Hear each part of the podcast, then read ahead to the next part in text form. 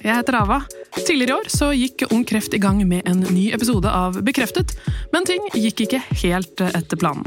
Vi ble rammet av en pandemi som har satt livet til mange på hodet.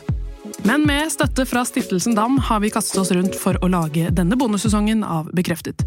Vi skal svare på spørsmål du måtte ha, temaer du ønsker vi skal ta opp, og gi deg underholdningen du savner.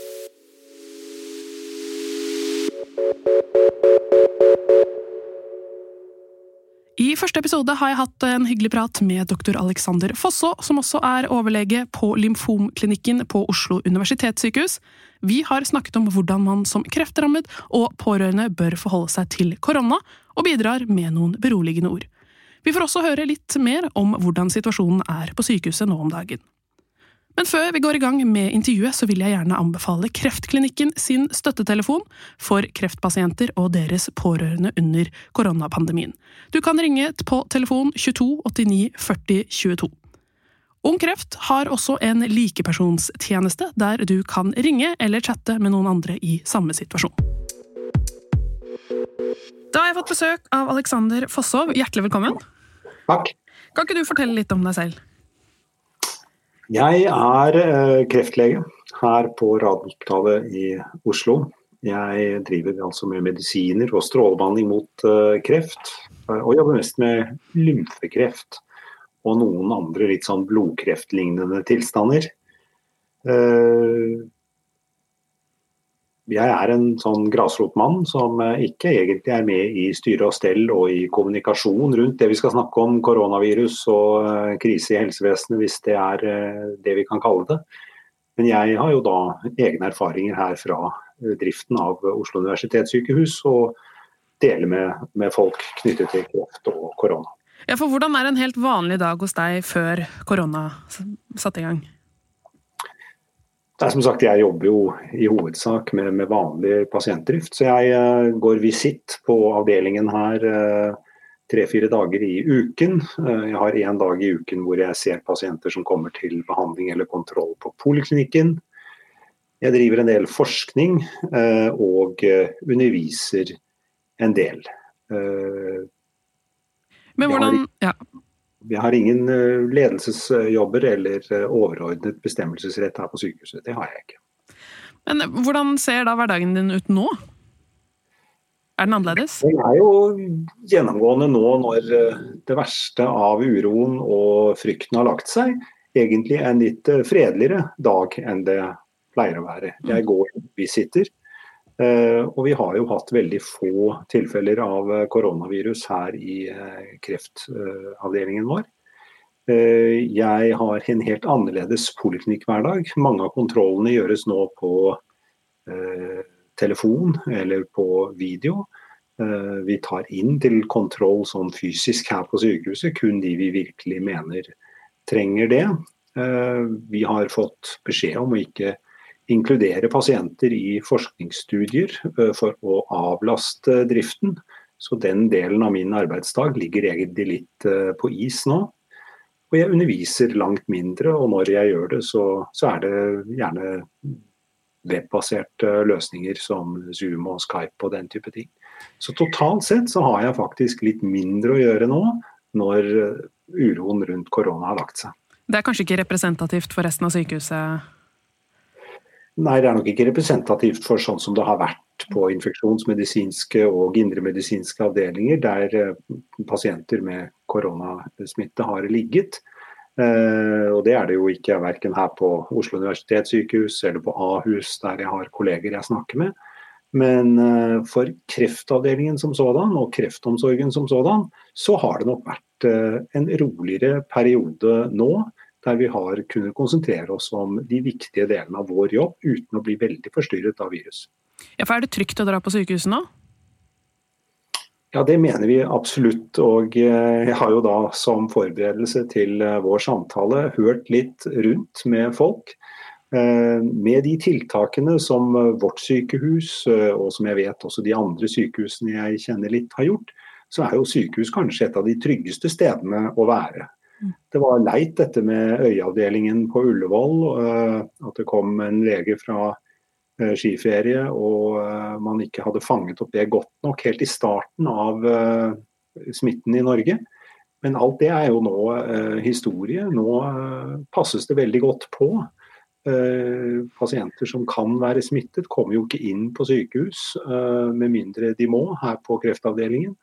Og ansatte skjermes veldig hvis de har mistanke om smitte. Så absolutt, vi mener at å komme på sykehus hvis du må på sykehus som kreftpasient, er trygt. Ja, for Er det noen behandlinger som utsettes nå? Nei, det kan vi ikke si. Kreftbehandling er jo en akutt behandling. Det er jo ofte livreddende og ofte livsforlengende. Så eh, vi er skjermet fra alle eh, utsettelser eh, som myndighetene har pålagt helsevesenet for å ha god nok beredskap. Operasjoner for kreft går, så vidt jeg har forstått på mine kolleger, helt som planlagt. Kanskje noen små justeringer for de eldste og sykeste som kanskje ikke egentlig skal opereres, at man tenker seg litt ekstra om. På vår avdeling med strålebehandling og cellegiftbehandling, det går helt som normalt. Alle som trenger behandling, må være sikre på at de uh, får den nå. Uh, og Det er stort sett det vi bruker mesteparten av tiden vår på, mindre på kontroller etterpå. Men litt sånn generelt, eh, når du er kreftpasient, så er det jo kanskje en litt sånn sårbar gruppe. Er det noen spesielle forhåndsregler eh, man bør ta? Vi er jo enig i at kreftpasienter, spesielt de som er under aktiv behandling med uh, cellegift, er risikopasienter med et annerledes og dårligere immunforsvar enn andre. Uh, med noen egne tiltak, annet enn å følge de eh, som myndighetene kommer med, er det vanskelig å tenke at kreftpasienter skal gjøre. De skal eh, passe på å holde avstand, de skal passe på håndhygiene, de skal uh, unngå kontakt med syke, altså folk som har symptomer som kan være koronasmitte, og i hvert fall for å unngå kontakt med folk som er, kjent koronasmittede. Eh, og det er ikke noen egne anbefalinger vi kjenner til og vi vil komme med til våre pasienter, enn å være bare ekstra nøye på å gjøre de smarte tingene myndighetene anbefaler alle. Ja, for det er en lytter her som lurer på om man kan, når man har kreft, må man være inne hele tiden, eller kan man gå ut en tur? Det er nok helt trygt å gå ut en tur dersom man opprettholder de uh, rutinene som myndighetene anbefaler. Altså holde avstand. Det er jo vanskelig hvis man går en søndagstur rundt Sognsvann. Men uh, holder man avstand og passer på å desinfisere hendene når man er på banen eller på bussen eller uh, kommer i kontakt med ting andre også tar mye på, så skulle det være helt trygt. Det er nok mindre smitte utendørs enn innendørs. Men nå som samfunnet åpner seg litt sånn sakte, men sikkert, eh, hvordan skal man forholde seg til det? Altså, kreftpasienter har jo alltid hatt en økt uh, smitterisiko, også i influensasesonger og uh, slike ting. Og Vi har jo anbefalt pasientene å være nøye med å unngå kontakt med folk som er smittede, unngå forsamlinger i lukkede rom som kinoer, teatre, offentlig kommunikasjon. Alt det skal man da være litt ekstra nøye med nå.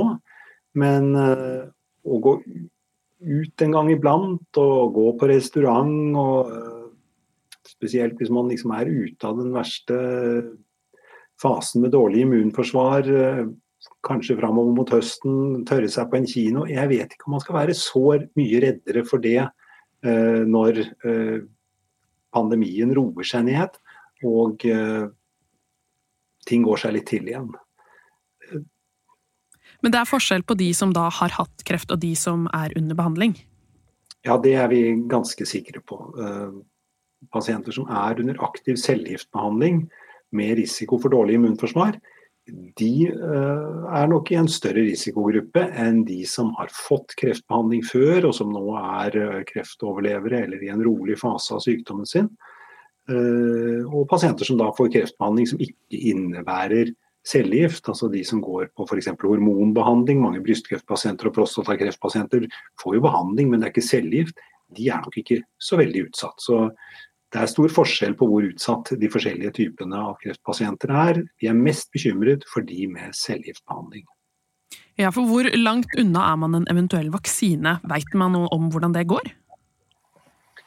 Det er jo ikke mitt fagfelt, så det følger vel kanskje ikke jeg noe bedre med enn uh, mange andre. Det avhenger jo også av litt uh, hvor optimistisk den man spør er. Donald Trump tror vel kanskje at den er rett rundt hjørnet. Uh, jeg syns ikke det ser ut som at den kommer helt med det første. og syns vel folk som Camilla Stoltenberg som sier at det kan nok ta eh, et år fra pandemien begynte, altså at vi snakker eh, først i 2021, før vi kan tenke på at vi får en vaksine som eh, gud og hvermann kan få. altså. Ja, for hvor omfattende er en sånn prosess? Så vidt jeg har forstått, så må man først finne ut eh, hvilket av molekylene og hvilke av strukturene i dette viruset som egner seg for en eh, vaksineutvikling. Så må man lage denne vaksinen, og så må man jo teste vaksinen om den er trygg, og om den faktisk holder det den lover. Eh, at den virkelig drar i gang en immunreaksjon, og at denne immunreaksjonen også medfører en immunitet over forhåpentligvis uh, lengre tid etter at man har fått vaksinen. Og Slike utviklingsprosesser eh, tar nok eh, tid, selv om man prøver så best man kan å speede dem opp. Så er det ikke noe poeng å speede dem opp sånn at prosessen blir utrygg, at man velger å satse på en vaksine som faktisk ikke fungerer, eller som kan gi bivirkninger.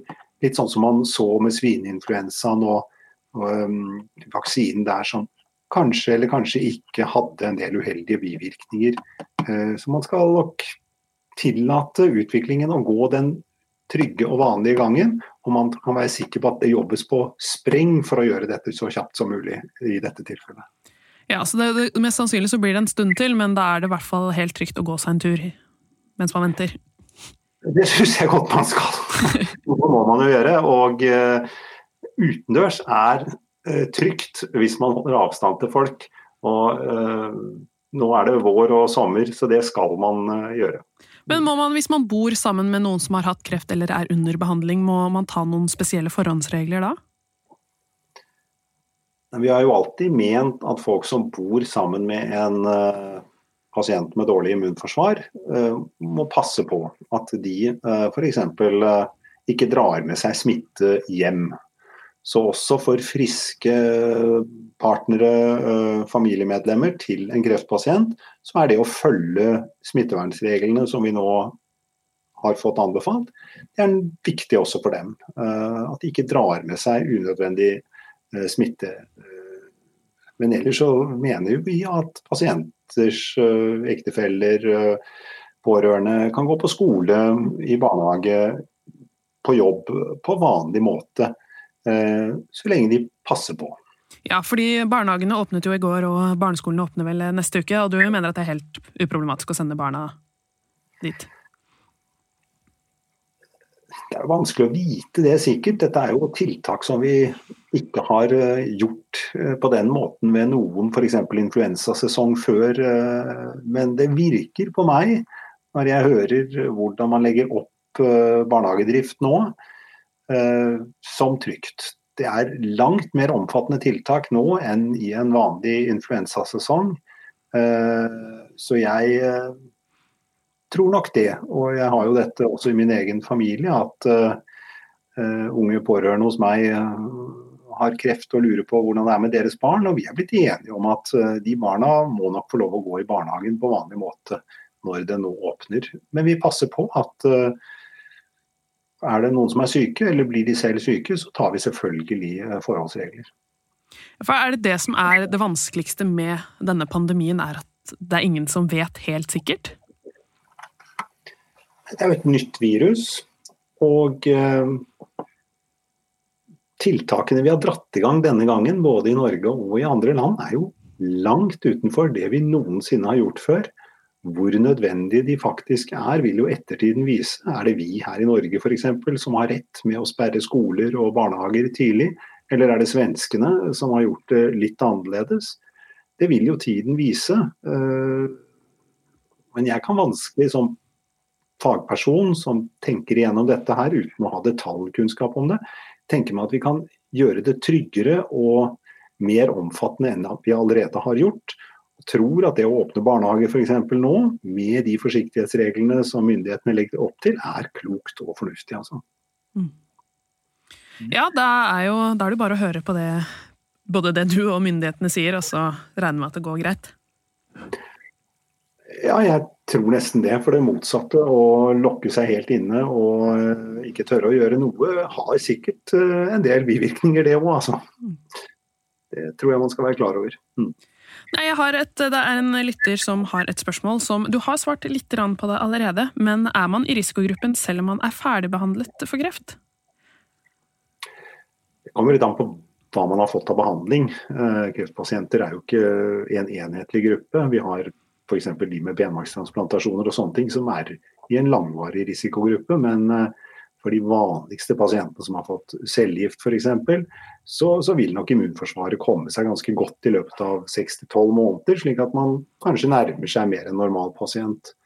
Uh, er man i tvil om det, så bør man nok snakke med de legene som kjenner igjen, og som vet hvilken behandling man har gjennomgått. Men uh, absolutt for de aller fleste kreftpasienter så vil nok man med tiden faller litt ut av en sånn risikogruppe. og det er nok positivt. Ja, for hvor, hvor, farlig er koronaviruset for kreftpasienter? Også et lyttespørsmål som er sendt inn. Ja, Det har vi eh, prøvd å finne ut av, flere av oss. Eh, det er ikke så veldig mange som har rapportert systematisk og skikkelig hvordan det har gått med eh, kreftpasienter. Det er litt data fra Kina, men ikke mange pasienter. Eh, kreftpasienter smittes nok ikke så hyppig. Eh, de er jo generelt litt mer sånn eh, hjemme og reiser ikke på skiferie til Østerrike på afterski vanligvis. Så da skjermes de jo litt på den måten. De er litt forsiktige i utgangspunktet? Ja, fordi de både er litt trøtte og slappe og syke, og fått beskjed på forhånd om å være forsiktige. Og det får de nok litt igjen for nå. Det er få kreftpasienter som er smittet. Jeg eh, fikk lyst til å nevne det, at vi har to pasienter som vi vet om her på Oslo universitetssykehus, avdeling for kreftbehandling, den største kreftavdelingen i Norge. To pasienter vi vet om eh, som har eh, vært smittet. Og jeg tror avdeling for blodsykdommer på Rikshospitalet også bare vet om to. Så det er veldig få pasienter med kreft som er blitt smittet i vårt land. Når de blir smittet, så har vi da noen tall fra Kina at de nok kan få mer alvorlig sykdom. Eh, men hvor omfattende det er, og hvor alvorlig det blir hos hvor mange, det vet vi ikke. For det er relativt eh, få rapporter eh, rundt det. Hvorfor tror du, så, så, tror du rapportene kommer når vi er over liksom, den verste perioden? Ja, Dette forskes det jo på, og det er veldig mange som har lyst til å, å, systematisere kunnskapen. Så jeg vil nok tro at folk prøver å samle erfaringer fra kreftpasienter og, og systematisere det og telle opp uh, hvordan det gikk med kreftpasientene. Men som sagt, altså, vi har veldig få å bidra med i den sammenheng. Jeg snakket med en kollega på barnekreftavdelingen her i dag. Uh, uh, de vet ikke om noe tilfelle av barn med kreft som har vært smittet av koronavirus. Så det er ikke et veldig omfattende problem slik vi har eh, løst problemet eller styrt unna de verste problemene her i Norge per nå. Altså. Mm. Det kan kreftpasienter være litt betrygget av å høre. Det er ikke de pasientene som er hardest ute å kjøre, slik vi har mestret situasjonen til nå i Norge. Det er sikkert mange som er glad for å høre. Jeg håper det.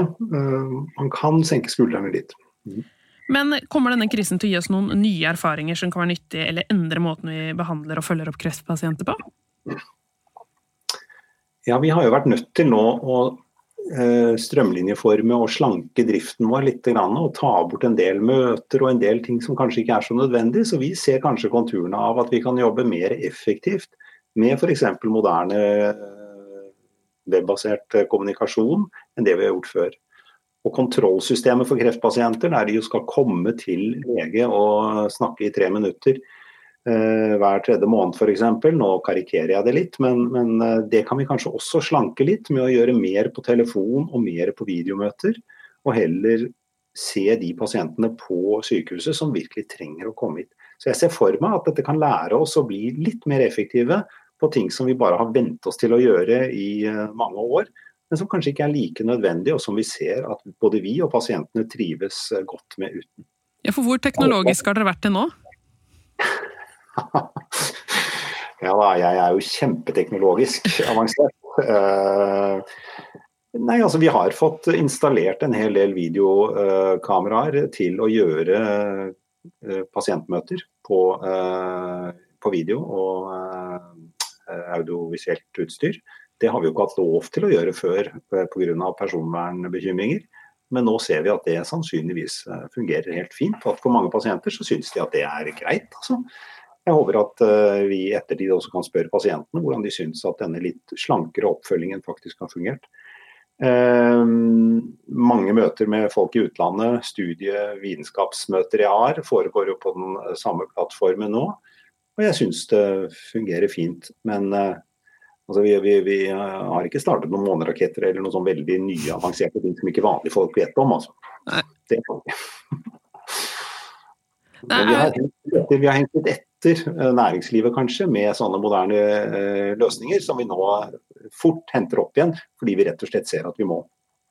Ja, og det ser det ut som eh, generelt er en trend i samfunnet. At nå begynner ting å ting går fort, og folk finner på nye løsninger for å løse problemer. Så det er jo bra, om ikke annet.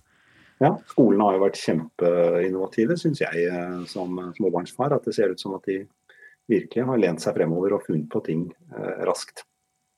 Ja, så Hva vil du da et, sånn avslutningsvis si til eh, hvis det er noen bekymra der ute som er litt redd for koronaviruset? Følg reglene som eh, Folkehelseinstituttet og eh, helsemyndighetene har satt opp. Er du i tvil om noe knyttet til deg selv, snakk med dine kreftleger, kreftsykepleiere som virkelig kjenner deg og din situasjon, og ikke baser deg på generelle ting du leser her eller leser der. Og prøv å tenke at dette til nå i vårt land ser ut til å være et problem som kreftpasientene er ganske forskånet for, gudskjelov. Og med de ordene så takker jeg veldig for besøket, Aleksander. Det var veldig hyggelig å snakke med deg. Takk i like måte. Gøy å være med. Tusen takk for at du har hørt på denne episoden av Bekreftet. Ny episode kommer hver tirsdag og fredag. Takk til Stiftelsen DAM, og husk at du kan lese mer om ungkreft på ungkreft.no. Har du spørsmål til noen av våre gjester eller temaer du vil høre mer om, kan du ta kontakt på Instagram, Facebook eller ava at ungkreft.no, og det er ava med W.